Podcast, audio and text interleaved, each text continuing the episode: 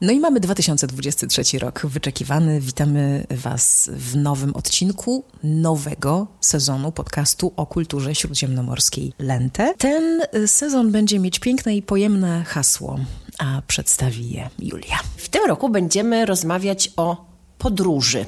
Obawiam się go trochę, przyznam, bo jest dosyć mocno wyeksploatowany w, w literaturze, w sztuce, w kulturze w ogóle, ale jednocześnie e, niezwykle pojemne, pełne symboliki, skojarzeń, otwierające drogę do rozmów na nieskończoną chyba liczbę tematów. Bardzo jestem ciekawa, w jaką stronę pójdziemy. W tym odcinku pojawia się reklama sklepu internetowego Lente.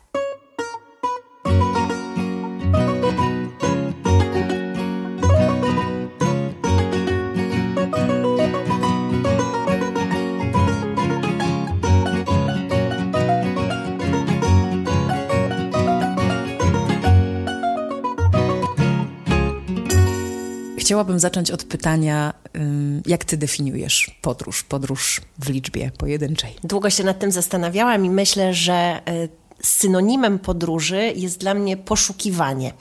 E, oczywiście tutaj mm, skojarzenia są proste. tak naprawdę sensem życia jest chyba poszukiwanie i nauka.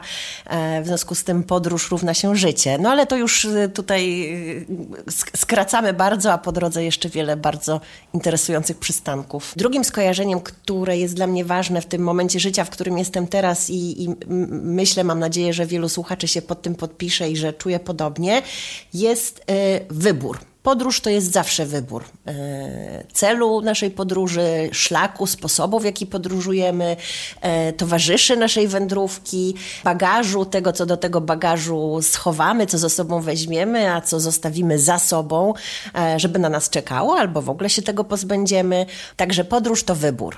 Możecie się domyślać, że słowo tak pojemne jak podróż może zmieścić w sobie przeróżne rzeczy i trzeba było dokonać e, jakiegoś wyboru. Mm, rozumiem, że to nie był łatwy wybór. O czym, o czym tak naprawdę będziemy mówić w, te, w tym sezonie? Co ta podróż e, oznacza i jak to się może przełożyć na nasze śródziemnomorskie opowieści? Wybór był bardzo trudny i zdecydowałam, że dzisiaj pójdziemy sobie śladem właśnie takich skojarzeń, które gdzieś tam luźno e, pojawiały mi się w głowie, kiedy, kiedy nad tym tematem rozmyślałam. Część z nich będziemy na pewno pogłębiać, zajmować się nimi dłużej i bardziej szczegółowo, zarówno w, w artykułach na stronie Lente, jak i tutaj już w kolejnych odcinkach.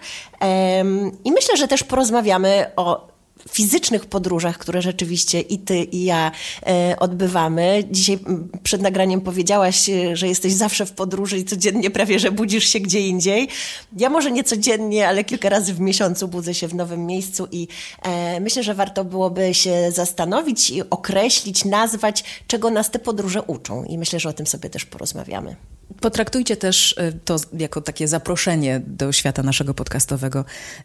Komentujcie śmiało, dzielcie się refleksjami. Można to robić albo bezpośrednio tutaj do, do, do Julii, albo w mediach społecznościowych. No a jeśli jakiś wątek w tym sezonie poczujecie, że jeszcze powinien się znaleźć, to po prostu napiszcie do nas. A ja tak, jestem rzeczywiście cały czas Cały czas jestem w podróży. Moje pierwsze wspomnienie, takie nieświadome jeszcze, tylko z tego, co mi tam mówiono, to jest taki długi, długi korytarz w domu moich dziadków. Ja się tam urodziłam w tej miejscowości i jedynym sposobem, żeby mnie uspokoić, było noszenie mnie z jednego końca tego korytarza długiego na drugi. Więc moje życie zaczęło się od podróży, no a potem ta podróż cały czas trwała wszędzie, gdzie mieszkam. Mieszkam na skrzyżowaniach.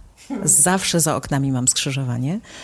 Mm, wiem, wie, wie, wiesz, że mam za sobą e, kilka lat mieszkania w, poza Polską przy pracy w Polsce, więc to się łączyło z jakimś szalonym zupełnie sposobem funkcjonowania nieustannie w podróży. Może jest mi po prostu taka wieczna tułaczka pisana. To jeszcze do tego wrócimy przy okazji e, Izraela, bo no bo Julia się podzieli swoimi ważnymi podróżami i ja też przynajmniej jedną. A mogę zacząć od tego cytatu, o którym rozmawiałyśmy, wiesz o którym. Mam nadzieję, że ten cytat y, zrobi na was wrażenie takie, jakie na mnie zrobił, na mnie nieustannej podróżniczce.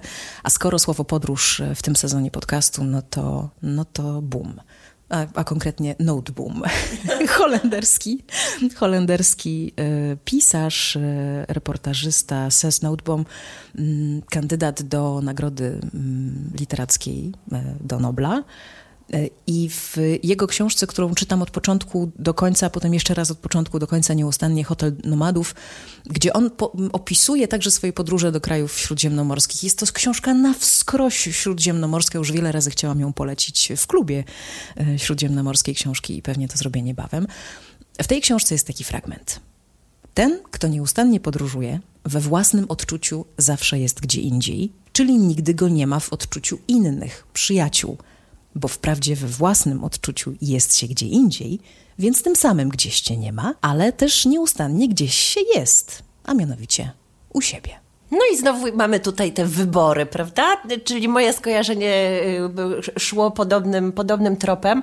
E, skoro mówimy o książkach i chyba nigdy od tych książek nie uciekniemy, to ja akurat jestem w trakcie lektury chorwackich y, opowieści Senko Karuzy.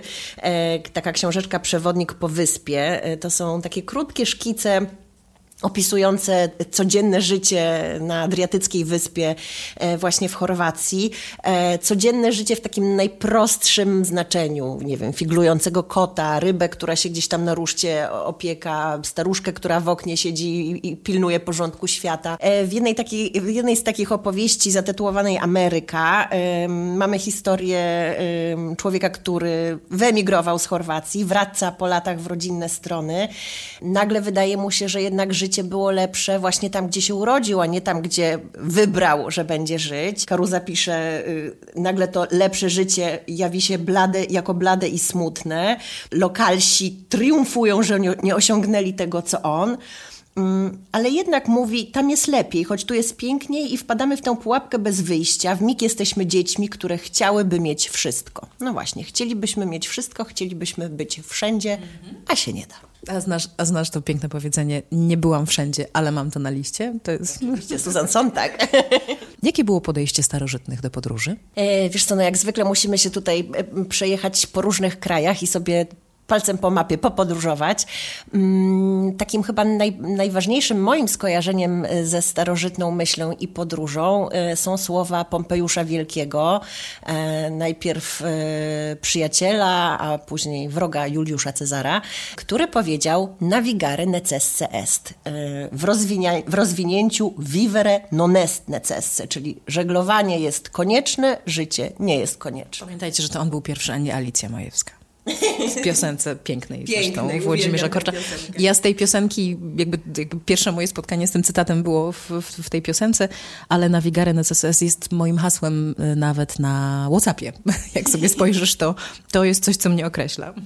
No, moim hasłem wszędzie jest fragment Kawafisa i taki, także znowu jesteśmy przy, przy temacie podróży. Natomiast wracając do, do Pompejusza i jego słów, ym, no właśnie, to jest to pytanie, co jest, co jest ważniejsze, podróżowanie czy życie? Dla mnie to jest jedno, w związku z tym trochę tutaj to się nawzajem wyklucza. Ym, ale drugim skojarzeniem, które jest no właściwie chyba trochę przeciwne tym słowom, to jest taki cytat z Horacego, który mówił że zawsze, że niebo, a nie dusze zmieniają ci, co żeglują po morzach. To znaczy, tak naprawdę możemy wyjechać gdzieś, ale ciągle pozostajemy z tymi samymi troskami, z tymi samymi problemami, z tymi samymi pytaniami. Nieustannie gdzieś się jest, a mianowicie u siebie. No właśnie, ja tutaj z Horacem nie do końca się zgadzam. Szczerze mówiąc, przyznam, że jednak ja te odpowiedzi ruszając się znajduję. I może to, to tak jest, że odpowiedzi właśnie znajduje się w ruchu i, i, i trzeba się ruszać, bo ruch to jest życie. Ale Notebomb pisze o tym, że ruch to jest życie na jednej z pierwszych stron książki Hotel Nomadów, którą masz, więc sobie tam zajrzysz. Y, wkracza symbolika. Lente w ogóle mm, dla mnie też jest w całości opowieścią o podróży. Mm, symbolem, takim logo Lente jest, y, jest kotwica ale jest tych symboli więcej i one mają dosyć konkretny powód. Tak, no zacznijmy od tego, że ta starożytna podróż to była głównie podróż morska, tym bardziej, że y, mówiąc o starożytności mówimy o basenie Morza Śródziemnego, więc, więc siłą rzeczy poruszano się głównie po wodzie, ewentualnie po rzekach, jeśli nie po morzu. Y, wszystkie przecież najważniejsze cywilizacje właśnie obok rzek rozkwitały. Mm, w związku z tym ta symbolika związana z, z podróżą po wodzie, z podróżą morską y, jest od, od tych najdawniejszych czasów bardzo obecna. I rzeczywiście bliska bardzo nam, bo samo, sam, sam logotyp magazynu Lente jest, staroży- jest starym znakiem, starożytnym, bo pojawiającym się już w starożytności, ale w obecnym kształcie mm, rozrysowanym przez weneckiego drukarza, wydawcę Aldusa Manucjusza. No i co mamy w tym naszym logotypie? Mamy kotwicę, czyli symbol stałości, właśnie nieruszania się, zakotwiczenia się w jednym miejscu. I mamy delfina, e, czyli symbol ruchu, o którym już też wspominałyśmy, Symbol młodości także, w kontraście do stateczności kotwicy, zaciekawienia tym, co, co za rogiem, co za horyzontem, mm, czyli te dwa, e, jakieś takie, jakaś taka dychotomia naszego życia, tak? To te, te, te, kontrasty właśnie z jednej strony e, czerpiemy z przeszłości, z tradycji, doceniamy to, e, co już było i co udało nam się zbudować w miejscu zamieszkania, z drugiej strony wyglądamy właśnie za horyzont, patrzymy czego możemy się jeszcze dowiedzieć i, i co może się jeszcze zdarzyć. Mm, e, także to jest, to jest ta symbolika e, lente, festina lente, tak? bo tutaj odnosimy się e, oczywiście i Manucjusz od nas, odnosił się po prostu do, do słów Oktawiana Augusta i tego jego słynnego powiedzenia oznaczającego spiesz się powoli, tak? czyli znowu te, te dwa mm, kontrastujące ze sobą pojęcia. Oprócz tego mamy oczywiście całą, całą masę innych symboli morskich, y, ster, okręt, y, żagiel. Myślę, że porozmawiamy sobie tutaj y, przy okazji jednego z odcinków o nich szerzej. A dlaczego Dante i boska komedia przychodzi ci na myśl, kiedy mówisz o podróżach? Wiesz co, no bo e, jak zaczęłyśmy od tutaj od rzymskich e, opowieści i, i e, ja oczywiście jak mówię o Rzymie, to zaraz myślę również o współczesnych Włoszech i, i, i, i znaczy o Włoszech, o Italii, tak, nie tylko o, o Cesarstwie Rzymskim. I rzeczywiście jeśli chodzi o literaturę włoską, to dla mnie Dante jest największym podróżnikiem, tym bardziej, że jest bardzo osadzony również w, w tej tradycji antycznej. Pamiętajmy, że w jego podróży poza światach, bo o nich opowiadam i, i one są tym moim głównym skojarzeniem. Mm, oprowadza go Wergiliusz, który jest, no właśnie, starożytnym Rzymianinem, poetą, e, który dla odmiany jest twórcą e, innego bardzo wielkiego i bardzo, bardzo znanego poematu podróżniczego, mianowicie Eneidy. Także, także już sam fakt, że, że Dante nawiązuje właśnie do, do Eneidy sprawia, że mamy tutaj ten motyw podróży. No jego zejście w zaświaty jest, jest, jest chyba najbardziej niezwykłą podróżą. Dzisiaj Włochy to jest miejsce, do którego podróżujemy często i chętnie, z różnych przyczyn. Jak twoje podróżowanie do Włoch się zaczęło? Pytam w sensie konkretnym i takim metaforycznym też.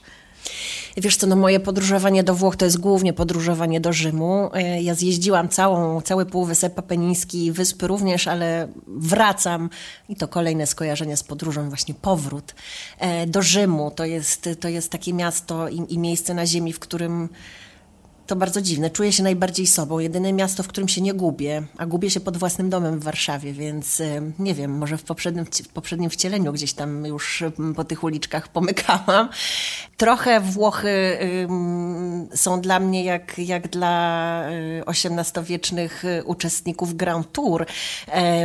Chociażby dlatego, że no właśnie w zasadzie ukształtowały mój, moje spojrzenie na świat, moją artystyczną wrażliwość, y, no wszystko we mnie i, jakby całą młodość e, jeździłam tam, aby pobierać nauki, uczyć się języka, później w czasie studiów uniwersyteckich, w czasie doktoratu. E, ale skojarzenie mam z tym Grand Tour, czyli z tym właśnie jeżdżeniem do Włoch, aby, aby, aby pobierać nauki i, i uczyć się świata. Także takie, że mm, no w Grand Tour bardzo celowali Brytyjczycy. E, to była szczególnie popularna popularny sposób spędzania wolnego czasu wśród, wśród brytyjskiej młodzieży. A moje mm, spotkanie z Włochami też jest w pewnym sensie związane z Anglią. To jest jedyny chyba y, mm, nieśródziemnomorski kraj, który bardzo lubię, do którego powracam i, i który jest mi bliski. A historia jest taka, że jako mm, dwunastolatka bodajże zostałam wysłana przez rodziców na kurs angielskiego do, e, pod Oxfordem, do Anglii e, i e, tam miałam się uczyć angielskiego, ale jakoś tak wyszło, że głównie się uczyłam włoskiego, ponieważ w mojej grupie byli głównie Włosi z którymi się bardzo zaprzyjaźniłam. Do dzisiaj mam przyjaciółkę z tego kursu z Mediolanu, z, którą jestem w kontakcie. No i właśnie jakoś tak przez tę Anglię trafiłam do Włoch, bo o ile Półwysep Apeniński już, już wcześniej mnie pociągał ze względu na moją fascynację mitologią i starożytnością, to wtedy właśnie jako dwunastolatka na tym kursie angielskiego postanowiłam, że muszę się nauczyć włoskiego, nie tylko łaciny, ale właśnie zupełnie współczesnej włoszczyzny. E, I wtedy narodziła się we mnie ta, ta chęć poznawania współczesnej Italii. Byliśmy we Włoszech teraz i, i w Rzymie, tutaj w naszych rozważaniach, ale ja już myślą, muszę Ci powiedzieć, że wybiegam do Izraela, bo mówiąc o Grand Tour, mam kolejne skojarzenie. E, Grand Tour to, to, to, był taki XVIII-wieczny trochę gapir, tak? Ga, gapir, bo gapir to może niedobrze brzmi. E, ten rok, kiedy, kiedy decydujemy się na podróże, porzucamy jakąś tam aktywność zawodową. Czy... Nie taki pusty rok. Nie pusty rok, dokładnie. E, specjalistami dzisiaj y, y, w takim podróżowaniu są Izraelczycy i muszę przyznać, że to jest jedno w ogóle z moich głównych skojarzeń z, z Izraelem, chyba dlatego, że mm, zaczęłam poznawać ten kraj no, jako studentka czy, czy, czy zaraz po studiach e, i moi izraelscy znajomi wówczas wszyscy byli właśnie na etapie tych podróży. My tutaj w Polsce kończyliśmy studia, zaczynaliśmy pracę, wybieraliśmy swoją życiową drogę. Natomiast młodzi Izraelczycy, pamiętajmy, że oni idą do armii mm, po, po skończeniu szkoły średniej, ten, ta służba w armii jest obowiązkowa. E, I zakończywszy ją, w zasadzie wszyscy, zanim pójdą na jakiekolwiek studia czy wybiorą sobie pracę, e, jadą właśnie odkrywać siebie i świat. Bardzo często jeżdżą na Bliski Wschód, ale nie tylko. Tutaj właśnie Indie, Tajlandia, ale też Chiny. Głównie te orientalne kraje mam wrażenie, że się cieszą wielkim wzięciem. Jest teraz y, nawet takie modne hasło, lecę gdzieś, jadę gdzieś, żeby o, o, znaleźć siebie. Czyli co? Że musimy wyjechać z tego miejsca, w którym jesteśmy, po to, żeby znaleźć siebie w innym miejscu. Jakoś myślę nad tym i nie wiem, jak mam, jak, jak mam to rozumieć. Każdy pewnie ma jakieś swoje powody, ale... Czyżbyś była za, czyżbyś była za Horacym, że, że jak się wyjedzie, to to nic nie zmienia i zmienia się niebo, a my nie? Dla mnie podróż jest tak naturalną częścią życia, że... Mm, że właściwie tak jak oddycham, tak się przemieszczam. Może dlatego nie potrafię, mm, znaczy wiesz, nie potrafię wpaść na to, że mogę znaleźć siebie gdzieś indziej, ale bardzo często wyjeżdżam, kiedy muszę coś ważnego zrobić, na przykład zacząć pisać książkę. To wtedy wyjechałam do Włoch. Albo y, Izrael jest taką moją pierwszą, najważniejszą śródziemnomorską podróżą. To był rok 2007 albo 2008, w każdym razie bardzo dawno temu. To już kilkanaście lat. I to była moja pierwsza podróż samotna, pierwsza podróż samolotem. Wyobraź to sobie. Prawie trzy tygodnie i, i od razu, wiesz, nie Wiedeń, nie Berlin, nie Amsterdam, tylko Tel Awiw i Jerozolima no, moja rodzina była w szoku i, i, często dostawałam pytania, czy oszalałam, czy naprawdę i, i po co. Ale dla mnie było, była to bardzo ważna podróż, mm, taka też związana e, z pewną częścią, w, pe w pewnej części z historią rodziny. I kiedy wylądowałam w Izraelu i otuliło mnie to powietrze gorące, z tymi przemieszanymi zapachami wszystkiego, jedzenia, morza i tak dalej, to ja poczułam właśnie, że o, jak ty w Rzymie, jestem we właściwym miejscu i że może tam właśnie powinnam, powinnam być. Mm, I od tego momentu, za każdym razem, kiedy myślę o Izraelu, mówię, wracam do Izraela. Nie mówię, jadę do Izraela, ale właśnie wracam. To jest bardzo ciekawy wątek, to, to wracanie. Mnie się przypominają moi włoscy przyjaciele, który, którzy zawsze jak przyjeżdżam do Rzymu i spotykamy się na kawę, to mówią do mnie bentornata, czyli witaj z powrotem, a nie witaj, tak? Właśnie zakładają, że to jest mój powrót, a nie przyjechanie do nich. E, więc... Gdzie jesteś na stałe? No właściwie nigdzie, tak? Tak, no więc e, rzeczywiście tu jest ten wątek powrotu znowu, znowu obecny i domu, o którym opowiadałyśmy w zeszłym e, sezonie. O tym, e, o tej podróży podróży dalekiej do Izraela, no bo dalszej niż do Berlina czy do, mm, czy do, czy do Amsterdamu, tak jak powiedziałaś. Jak powiedziałaś o tym, to ja miałam skojarzenie takie, no, że właśnie ta podróż może być daleka, może być bliska. Czasami to jest jeden krok, przekroczenie jakiegoś progu, czy, czy, czy ten słynny pierwszy krok, tak? To też jest jakaś podróż.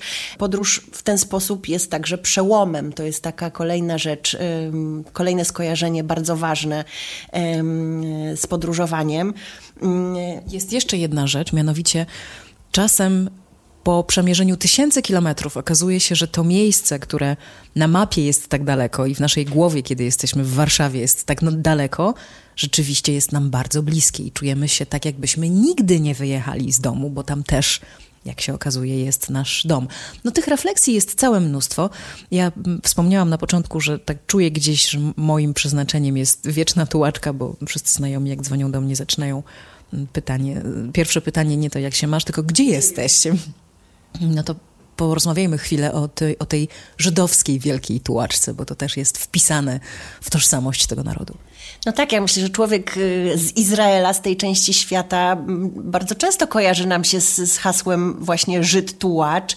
E, te migracje, wygnania i powroty są wpisane w, w historię Żydów.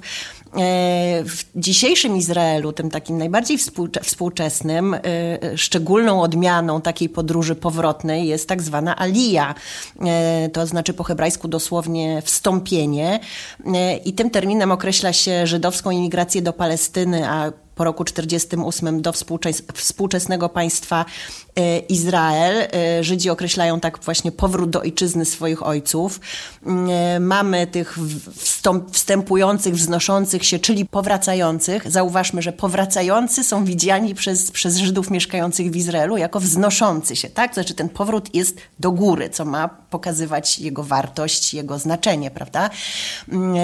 Są, pochodzą ze wszystkich rejonów świata. Oczywiście taką chyba najbardziej najbardziej mm, liczebną grupą są, są przybysze, czy powracający z, z dawnego Związku Radzieckiego, czyli cała ta emigracja z bloku, z, bloku, z, Ros z Rosji i z bloku sowieckiego. Mm, e, no jest to coś, coś niezwykłego, dlatego że widzimy ludzi, którzy, którzy przyjeżdżają tysiącami e, z Europy, ale właśnie nie tylko, e, przywożąc swoją kulturę, swój język, swoje zwyczaje, swoje wspomnienia wspomnienia, czasami wielowiekową historię swojej rodziny, bo mm, przyjeżdżają do Izraela mając, y, nie wiem, praprababcie na przykład, tak? czy, czy, czy jeszcze dalszych krewnych właśnie związanych z tradycją żydowską, a, a niekoniecznie tradycja ta była praktykowana w, w ostatnich pokoleniach. Także jest to też taka podróż w czasie, tak naprawdę, podróż do swoich korzeni. No coś bardzo niezwykłego. Jeszcze wracając do tego wątku e, podróży po, po armii i przed studiami i przed pracą, e, mój mąż zawsze mi mówi, że on w ogóle nie rozumie, jak my możemy wybrać sobie drogę życiową i właśnie studia i, i pracę i karierę zawodową bez odbycia tej podróży. Tak, tak to jest dla nich oczywiste, że, mm, że, że się tę podróż odbywa. E, zwykle odbywa się ją zresztą z najbliższymi przyjaciółmi, przyjaciółmi. To też nie jest tak, że, że, że podróżuje się zupełnie samotnie. Mój mąż na przykład podróżował z, ze swoim najlepszym przyjacielem e, przez wiele miesięcy. E, I w ogóle coś takiego jest, że, że Izraelczycy to lubią chyba w, w jakoś tak gromadnie, czy przynajmniej w, we dwójkę e, podróżować. Mam takie skojarzenie zupełnie luźne nawet z tym, że najpopularniejszą taką formą transportu poza autobusem w Tel Awiwie jest tak zwany szerut, czyli dzielona... Mały żółty busik. Mały żółty busik, czyli taksówka, która rusza dopiero wtedy, jak się zapełni. E, jej nazwa Sherwood pochodzi oczywiście od angielskiego share, czyli dzielić się. E, bo nawet te krótkie dystanse jakoś najchętniej Izraelczycy pokonują wspólnie. I trzeba wykorzystać wszystkich podróżujących, żeby zapłacić, bo jak siądziesz z tyłu, to podajesz pieniążka i oni podają go dalej, dalej, dalej, dalej, aż do kierowcy. Nie płaci się po prostu na, na, na wejściu, bo to jakoś tak nie wypada. Pielgrzymka teraz, moja droga. Hasło wywoławcze ważne, zrozumiałe w Polsce, ale czy w judaizmie mamy pielgrzymki? Mamy i nawet mamy tego obraz w Polsce. Tak, oczywiście. No, mamy pielgrzymki chyba we wszystkich religiach. W judaizmie głównie kojarzą mi się one z, z jeżdżeniem, odwiedzaniem grobów cadyków, ważnych postaci e, e, w judaizmie. Takie podróże z, z pobudek religijnych mają jednak dużo dłuższą historię. Rzeczywiście nam się kojarzą głównie z, z chyba z, z, naszą religią. No, w sumie normalna sprawa, patrzymy najbliżej nas. E, I oczywiście tu zaraz przychodzi do głowy chociażby Jerozolima, o której wspomniałaś. Ale, ale tak jak mówię, pielgrzymki mamy we wszystkich śródziemnomorskich religiach. Przecież chociażby w islamie ta pielgrzymka do Mekki to jest w ogóle jeden z, z pięciu filarów islamu, czyli, czyli, czyli właśnie tej wielkiej monoteistycznej religii. Tutaj z takich ciekawostek jeszcze mi przychodzi do głowy fakt, że w Turcji jest nawet taka mm, sekta islamska, której członkowie są zobowiązani do ciągłego podróżowania. E, oni się nazywają bodajże kalenderii e, i oni mają nakaz odgórny, cały czas muszą podróżować, nie mogą nigdzie zagrzać na stałe. E, czyli no tutaj wchodzimy w ten wymiar sakralny, święty mm, podróży, tak? Jest w niej coś, co ma nas uświęcać, ma nas udoskonalać. Mm, a co ciekawe, sam w ogóle koncept pielgrzymki, tak historycznie, wydaje się, że pochodzi z Egiptu. No i już przeskakujemy tym samym do kolejnego kraju. A Egipt, i to jest wiadomość szokująca, jest krajem, w którym nigdy nie była Julia W. Tak, wiesz co, no właśnie, jak się mówi o podróżach, to myślę, że też każdy z nas ma taką podróż marzeń i podróż, której jeszcze nie odbył z jakiegoś powodu. Życie, podróż marzeń to można mieć do Nowego Jorku i całe życie oszczędzać, bo, bo no, ale podróż do Egiptu sobie możesz nawet w najbliższy weekend załatwić. Czemu tego nie robisz? Słuchaj, to jest jakaś przedziwna historia, ponieważ y, ja się swego czasu y, zajmowałam akademicko Egiptem troszkę, ponieważ y, pisałam doktorat o Kleopatrze i jej przedstawieniach w kulturze włoskiej wprawdzie no ale jednak Kleopatra była ostatnią helenistyczną, jakby nie było, ale tak czy owak królową e, Egiptu. E, ja nie wiem, po prostu mi się to jakoś nie składa. Ja miałam już do tego Egiptu jechać setki razy i za każdym razem albo tam jest y, niebezpiecznie w danym momencie, albo coś innego staje na przeszkodzie. Nawet w najbliższe ferie, e, czyli za miesiąc dokładnie, miałam do Egiptu jechać. No, muszę tutaj wspomnieć o fakcie, że właśnie mój mąż jest Izraelczykiem, y, nasze dzieci są w połowie Izraelczykami mm, na Bliskim Wschodzie są różne napięcia i czasami musimy patrzeć niestety bardziej skrupulatnie na kwestie bezpieczeństwa. No nie zawsze z tym bezpieczeństwem jest tam różowo, ale mam nadzieję, że kiedyś wreszcie mi się do Egiptu uda dotrzeć. Myślę, że to będzie naprawdę najważniejsza podróż w tym sensie fizycznym w moim życiu e, i marzy mi się absolutnie rejs po Nilu, czyli tutaj wracamy do tematu podróżowania po wodzie, po rzece, E, o Jezu, nie wiem, to jakaś czysta poezja jest dla mnie. Oczywiście fakt, że, że ten, e, ten rejs po Nilu e, odbyła właśnie moja idolka Kleopatra z Juliuszem Cezarem, bardzo mi działa na wyobraźnię. Tutaj mamy dowód na to, że te pielgrzymki um, odbywano w najdawniejszych czasach. Akurat um, Cezar to chyba głównie pielgrzymował w sensie poznawania Egiptu, chciał zobaczyć, e, jak, jak wyglądała ta starożytna ziemia, natomiast już tysiąclecia wcześniej e, starożytni Egipcjanie pielgrzymowali właśnie do świętych miejsc. Była świątynia Ptacha w Memphis, świątynia Amona w Karnaku. Nie prowadzono wtedy grupowych wypraw, pielgrzymi przybywali indywidualnie, e, ale często też organizowano wielkie święta przy okazji tych, tych pielgrzymek. E, gromadzono wszystkich na miejscu, e, często wielotysięczne tłumy. Odbywały się uroczyste procesje, tak zwane wyjście Boga, odprawienie jakiegoś rytuału związanego z mitem kojarzącym się z tym miejscem miejscem. Mm, także wszystkie te, te czynności, które, które znamy z dzisiejszych pielgrzymek, e, miały miejsce już kilka tysięcy lat przed naszą erą. Mówiąc jeszcze o Nilu e, i tym moim marzeniu o, o podróży, e, o rejsie po Nilu, no to kolejne moje skojarzenie to są właśnie te poszukiwania, o których powiedziałyśmy na początku. E, jeśli chodzi o Nil, to warto wiedzieć, że jego źródeł do dzisiaj tak naprawdę nie odkryto, czyli to jest poszukiwanie, które jest, że tak powiem, work in progress. Egipt kojarzy się nam też z pustynią, takim miejscem, które w pewnym sensie nie ma początku i nie ma końca, więc być może uda nam się znaleźć to, czego szukamy właśnie na pustyni, w ciszy, w ciszy, w medytacji, w skupieniu. No właśnie, tak, pustynia to jest, to jest skojarzenie z Egiptem i skojarzenie z tą ciszą, z, także z przestrzenią. To nie jest tylko kwestia dźwięku, ale także e, właśnie tego ogromu, ogromu miejsca, ogromu powietrza, horyzontu, który się gdzieś tam daleko rysuje. E, takiego miejsca, w którym możemy odkryć siebie. I, i znowu jest to coś, co, co, co, człowiek zna od tysiącleci. Nic się nie zmieniło. Nadal e, dzisiaj na tę pustynię wędrujemy. Ja akurat głównie na pustynię judzką w Izraelu. E, pamiętam, że jak byłam w ciąży z moją pierwszą córką, to, to wędrowaliśmy z, z mężem po tejże pustyni, właśnie jakoś tak medytując nad tym, co nas czeka, yy, wsłuchując się w, w siebie i, i, w to życie, które gdzieś tam się we mnie wtedy mm, rozwijało i budziło. Yy, a robili to ludzie już przed tysiącami lat. Mamy przecież w Nowym Testamencie opis yy, wyprawy Jezusa na pustynię, prawda? Yy, mamy pieśni sufickie, przepiękne. Yy, jest taka pieśń Krwawiący Kamień, która mówi, że pustynia jest skarbem dla tego, kto szuka schronienia od ludzi i ich zła. E, znajdziesz tam zadowolenie, znajdziesz tam śmierć i wszystko, czego szukasz. Czyli pustynia jest pusta, ale jestem wszystko. Mówiąc o podróżach, mówiłyśmy już e, o, o włoskim skojarzeniu z Dante Alighieri. E, notabene, to, to, tak sobie myślę, że z jednej strony wybiegamy, czy, czy sięgamy tutaj, mówiąc o Dantem, w, w czasy bardzo dawne, do, do średniowiecza, a z drugiej strony Dante jest w ostatnich e, latach znowu bardzo obecny w, w kulturze nie tylko włoskiej, ale, ale europejskiej w ogóle. Mieliśmy dopiero co rok Dantego mm, w 2020 2021 to był rok Dantego. E, pojawiło się dużo nowych e, przykładów, przepiękny, mm, przepiękne nowe tłumaczenie boskiej komedii Jarosława Mikołajewskiego, takie bardzo reportażowe. To też jest przecież skojarzenie z podróżą, reportaż, prawda? Książka e, Alessandra Barbero Dante, taka biografia w zasadzie pisarza i poety, o którym mało wiemy, bo, bo, żył bardzo dawno i, i tak naprawdę nie mamy zbyt wiele dokumentów poświadcza, poświadczających rozmaite jego działania, a, a Barbero próbuje zrekonstruować jego życie.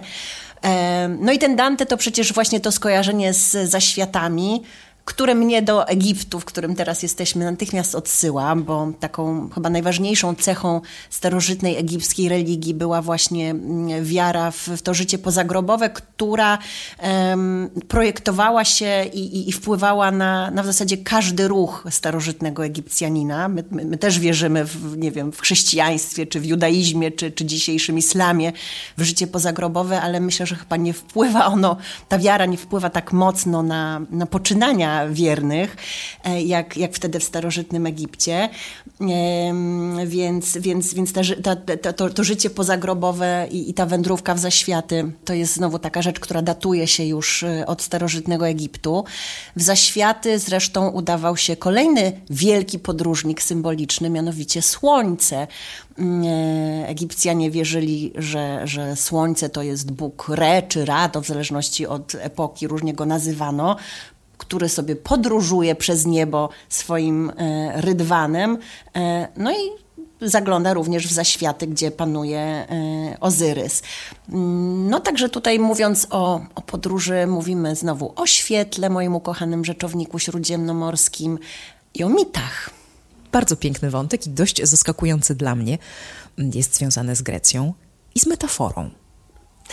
Uwielbiam to. To jest jedno z takich odkryć, które e, jako młoda dziewczyna poczyniłam, e, i, będąc na jakiejś wycieczce w Grecji. Mm, ja niestety nie znam nowogreckiego, natomiast uczyłam się e, w czasie studiów doktoranckich e, greki starożytnej, w związku z tym mm, przyswoiłam sobie mm, lepiej lub gorzej e, grecki alfabet.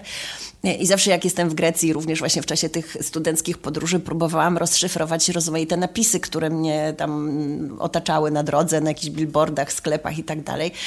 I moją e, uwagę zwróciły napisy na ciężarówkach, na autostradach, i e, zorientowałam się właśnie, próbując je rozszyfrować, e, że, że napis, który na tych plandekach widnieje, jakoś czyta się podobnie do metafory. Metafora to jest swego rodzaju podróż y, y, w języku, w literaturze, w poezji, prawda? Czyli przeniesienie znaczenia, e, ale także przeprowadzka przenoszenie przedmiotów.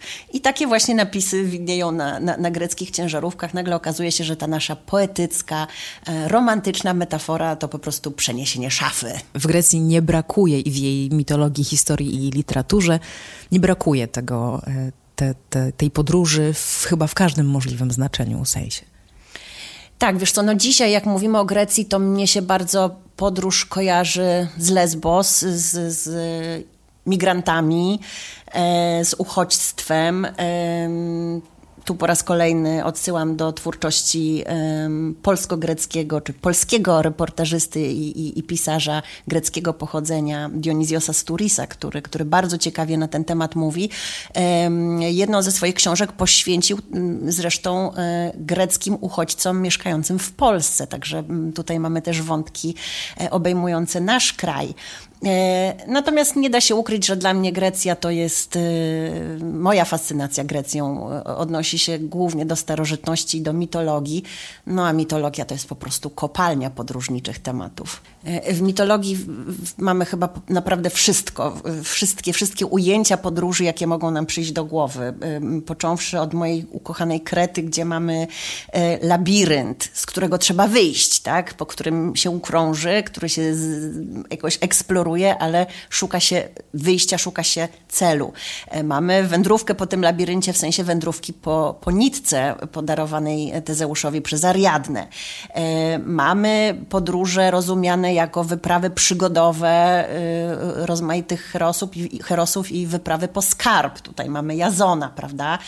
Mm, kiedy myślę o starożytnej Grecji, mamy też oczywiście Homera, który w ogóle jest no, ojcem literatury europejskiej i w tym rozumieniu ojcem europejskiej kultury, e, a który być może był wędrownym bardem, tak?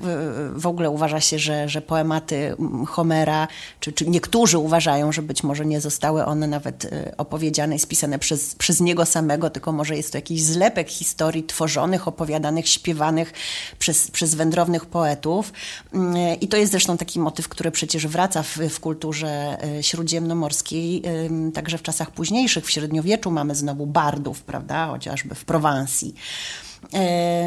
Powiedziałam już o Homerze, no tutaj oczywistym skojarzeniem jest Odyseusz y, y, i ta Itaka, którą ja mam wpisaną e, na Facebooku w opisie swojego profilu, e, w, w ujęciu Kawafisa, który, który o Itace przepięknie w, w swojej poezji e, mówi o tym, że życzy nam każdemu z nas, aby, aby nasza podróż do Itaki była długa i pełna przygód i pełna nauk i że powinniśmy być tej Itace wdzięczni, że istnieje, bo dzięki niej tę podróż odbywamy, próbując wrócić do Itaki. Mamy całą masę podróżników w mitologii, w literaturze greckiej. Moją sympatią e, od, od mojego wczesnego dzieciństwa cieszy się Bóg Hermes, który był bogiem podróżników, kupców, ale też złodziejaszków. E, to też taka ciekawostka, że, że gdzieś tam to szło w parze często, prawda? Czy kradniemy podróżując? Nie, to chyba nie o to chodzi. Może, może bardziej przypatrujemy się e, temu, jak, e, jak żyją inni ludzie w innych zakątkach świata i podkradamy pomysły. Tak, nie wiem, tak mnie się to dzisiaj... Ja, ja to zawsze oszukuję e, samą siebie i innych, ponieważ nienawidzę być turystką i zawsze udaję, że jestem stąd, właśnie tutaj mieszkam po prostu. Oczywiście, słuchaj, ja się tak cieszę, że są telefony, bo kiedyś to trzeba było chodzić z papierową mapą i to było takie obciachowe. Teraz nikt nie widzi, że szukasz, gdzie jesteś, prawda, na mapie w Google'ach. Także coś z tym jest. Największy, największy mój sukces w życiu to jak po kilku latach e, mojego jeżdżenia do Izraela, że tak na moment jeszcze wybiegnę tutaj, mm, a te podróże trwają już kilkanaście lat i jest ich kilkadziesiąt na koncie, a licznik bije. Mm, jak po paru latach ktoś mnie zapytał o drogę na ulicy w Tel Awiwie i ja poczułam, dobra, już Uf, jestem stąd. Jeszcze potrafiłam mu odpowiedzieć, to dopiero sukces. No ja wiem, wiesz co, ja to mam jeszcze kolejne skojarzenie a propos y, tego, y, tych pytań o drogę. Mnie często e, się zdarza izraelskich turystów w Warszawie znaleźć, spotkać i wtedy bardzo się cieszę, jak mogę błysnąć swoim hebrajskim, który jest beznadziejny, ale powiedzieć, że w prawo, w lewo i tak dalej, to potrafię i, i bardzo lubię to robić. Taka się czuję wtedy właśnie światowa i tak sobie myślę, że pewnie się nikt nie spodziewa, że może ja tutaj mogę po hebrajsku. Ty powiedziałaś jeszcze o tym, że zawsze mieszkasz na skrzyżowaniach. No zawsze. Wyjrzyj tutaj za okno i zobacz, co tu jest. Swoją drogą można mieszkać nie na skrzyżowaniu? Zwykle są jakieś skrzyżowania. Nie, no można mieszkać przy ulicy, w środku tej ulicy i masz kilkaset metrów w lewo nic, kilkaset metrów w prawo nic, a ja mam zawsze pod oknem skrzyżowanie, na którym mogę pójść prosto, w lewo albo w prawo. No więc widzisz, to ja mam takie skojarzenie, jako że ostatnio y, zafascynowała mnie, y, zafascynował mnie wątek archetypów, Junga, psychoanalizy.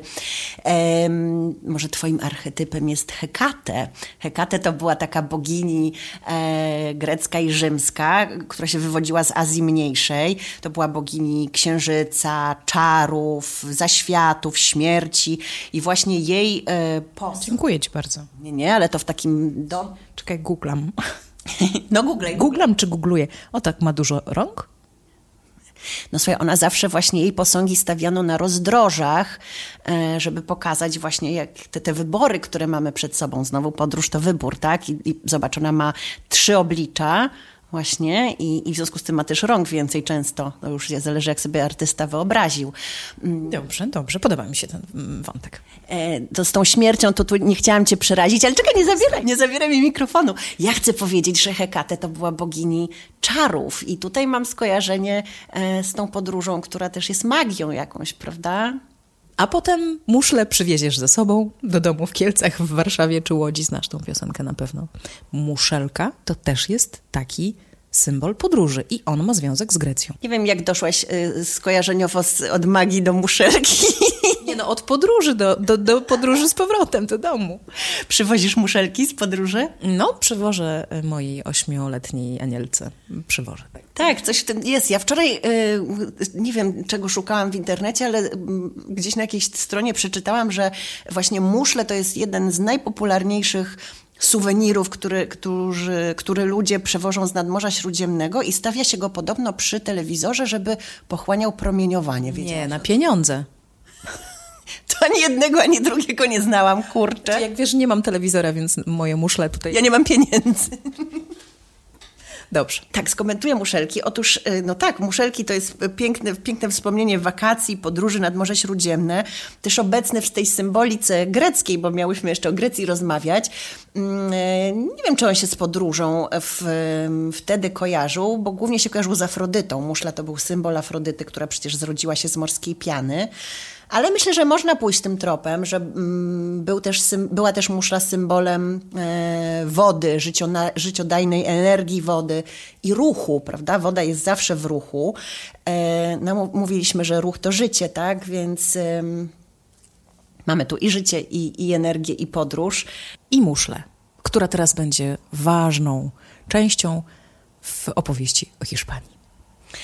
No tak, bo muszla dzisiaj i, i już od bardzo długiego czasu jest symbolem w symbolice chrześcijańskiej pielgrzymki przez życie, podróży przez życie, e, to doczesne, prowadzące nas do życia wiecznego, ale jest także znakiem takim dosyć chyba łatwo rozpoznawalnym pielgrzymek szlakiem Santiago de Compostela. Bardzo dużo moich znajomych, pewnie twoich również, w ogóle bardzo dużo ludzi dzisiaj y, mówi że w wakacje albo w takim dogodnym dla siebie terminie wyruszy mm, w podróż mm, szlakiem Camino de Santiago.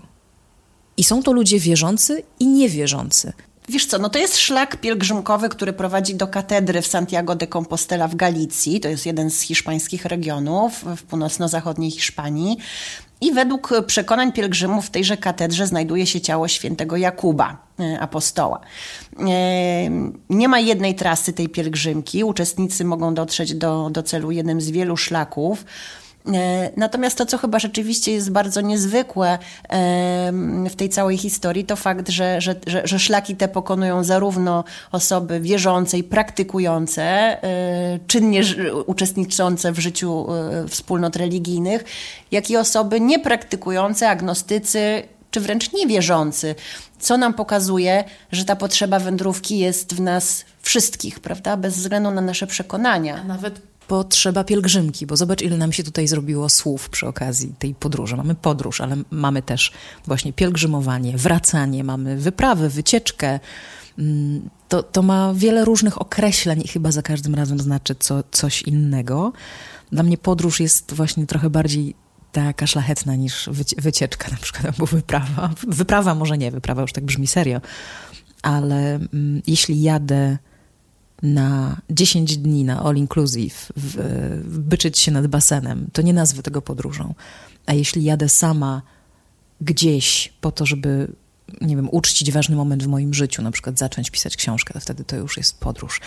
Z Hiszpanią jeszcze, mm, jeszcze jedna rzecz y, się kojarzy, czyli odkrycia. No właśnie, y, wróciłabym do faktu, że mm, podróż tożsama jest z poszukiwaniem. Może dlatego nie nazwałabyś swoich wakacji all inclusive podróżą, bo tam nie ma za bardzo, to też zależy oczywiście jak to podchodzi do sprawy, ale, ale nie ma tam za bardzo możliwości odkrywania i poszukiwania i uczenia się. Um, ale z drugiej strony, e, jak idziemy tropem tych różnych skojarzeń z podróżą i, i różnych e, innych rzeczowników, które, które mogą być e, synonimiczne, no to też nie należy tutaj y, specjalnie faktu idealizować, bo mamy rzeczywiście mm, odkrycia, mamy poszukiwanie, naukę, e, wyprawę, te wszystkie pozytywne i piękne skojarzenia, ale mamy także skojarzenia mm, trochę mniej pozytywne, jak na przykład podboje, tak? wyprawy, które nie są pokojowe, nie mają na celu nauczenia się świata, poznania świata, ale narzucenia swojego punktu widzenia. Tak? Cała Europa się zmaga trochę z, z tą przeszłością, chociażby związaną z koloniami. Dokładnie, no tutaj taką postacią e, jest ważną chociażby Krzysztof Kolumb, o którym z jednej strony uczymy się wszyscy w szkole, no chyba, nie wiem, no ja uczyłam się absolutnie w, w taki pozytywny sposób. Nie pamiętam, żebyśmy mieli na lekcjach historii e, jakieś takie głębsze pogadanki o tym, e, e, z czym wiązały się wyprawy jego i, i, i jemu podobnych. E, z drugiej strony, nawet w mediach społecznościowych widzę, że, że kiedy z, z, pojawia się data e, odkrycia Ameryki i, i ludzie jakieś posty umieszczają na ten temat, no to dzisiaj zawsze pojawiają się komentarze o tym, prawda? Kolumb nie był bohaterem. Mm, spójrzmy na to także z innej perspektywy, prawda? Więc, więc rzeczywiście dzisiaj troszkę, troszkę y, zmienia się ta, ta optyka. Z tymi odkryciami geograficznymi, z tą całą epoką, która, która miała miejsce w Europie na przełomie XV i XVI wieku, kojarzy się rzeczywiście głównie Hiszpania, Włochy również, e, ale także Portugalia, czyli tutaj poza Włochami właśnie Półwysep Iberyjski. Zresztą Kolumb, o ile dobrze pamiętam, też pod e, egidą Hiszpanii przecież podróżował do, do Nowego Świata. Ja dopiero co byłam w Hiszpanii, w Andaluzji w tym okresie świątecznym i wprawdzie chorowałam okropnie, więc wycieczek nie robiłam, ale niedaleko miejsca, w którym, w którym się zatrzymuję, jest taki bardzo niezwykły niezwykły e, zabytek, który nazywa się e, zamkiem Colomares. To jest zupełnie współczesny zamek, e, stworzony przez, nie wiem, chyba w latach 80. przez jakiegoś lekarza, który właśnie miał kaprys i marzenie postawić pomnik Kolumbowi, uważając, że mimo wszystkich tych, tych złych rzeczy, o których się dzisiaj wspomina, jest on symbolem mimo wszystko ciekawości świata, potrzeby odkrywania świata, e, także nadziei i, i, i tam mm, w zasadzie każdy element tego zamku, który jest takim trochę gargamelkiem, bardzo często na Instagramie się pojawia, można sobie znaleźć kolomares. Każdy element architektury tego zameczku jest, ma, ma swoją symbolikę i właśnie odnosi się przede wszystkim do tej pasji odkrywania i do nadziei. E, no więc no, ma taką piękną wymowę, bo, bo bez tej nadziei, czym że byłyby nasze podróże. To dopiero początek, ten odcinek, początek naszej podróży w tym sezonie, nowym sezonie e, Lente. Zapraszamy Was do tej podróży. Tak jak powiedziałam, jeśli jakieś wątki, e, hasła, pomysły macie w głowie, czekamy na nie. A jeszcze Julia chce jedną rzecz polecić na koniec. Ja tak sobie pomyślałam, że my w tym pędzącym świecie nawet podróże odbywamy za szybko e, i z jednej strony wyczekujemy ich często, a, a z drugiej strony często jest tak, że one nam gdzieś przelatują, bo już jesteśmy myślą przy kolejnym, jak to się mówi, projekcie i kolejnej rzeczy do zrobienia. Mm, jedną z takich e, rzeczy, które e, kiedyś zrobiłam, chcąc się podzielić pewnymi refleksjami z, z czytelnikami Lente, jest tekst e-booka, który możecie mm, za 9,99 nabyć na naszej stronie w formacie elektronicznym. E, to jest e, tekst e, Wakacje przez cały rok. Mm, I są to takie mm, zebrane przeze mnie ćwiczenia z uważności, taki trochę mindfulness, pokazujące właśnie, że przygotowanie do podróży może być najlepszą częścią podróży. I równie piękną częścią podróży może być właśnie ten powrót i moment, kiedy przetwarzamy wspomnienia, kiedy je zapisujemy na naszym twardym dysku w naszej głowie i, i w sercu przede wszystkim. E, opowiadam o, o, tym, jak, jak cieszyć się podróżą e, i jak mieć właśnie radość z, z, przygotowania do niej, a także z powrotu. Więc jeśli macie ochotę e, pobyć ze mną w tej, w tej medytacji nad podróżą, to zachęcam do lektury. Podcastu Lentę posłuchacie bezpłatnie na wszystkich podcastowych platformach, także na YouTubie. Mm, a ja mm, zachęcam i bardzo proszę, że jeśli mm, stwierdzicie, że warto nam wystawić gwiazdkę, recenzję, to zróbcie to proszę, bo to sprawia, że podcast e, żyje.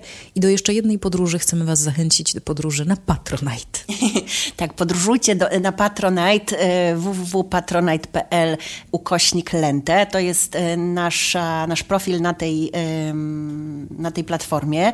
Są nowe progi, nowe możliwości, także związane z naszym podcastem. Także e, zerknijcie i będzie nam bardzo miło, jeśli nas wesprzecie. A ta dziewczyna, która opowiadała wam o podróży w sweterku kolorze e, hiszpańskiego słońca, to Julia Wolner. Ja się nazywam Magda Miśka-Jackowska. Dziękujemy i do usłyszenia za dwa tygodnie. Do usłyszenia. W tym odcinku pojawiła się reklama sklepu internetowego Lente.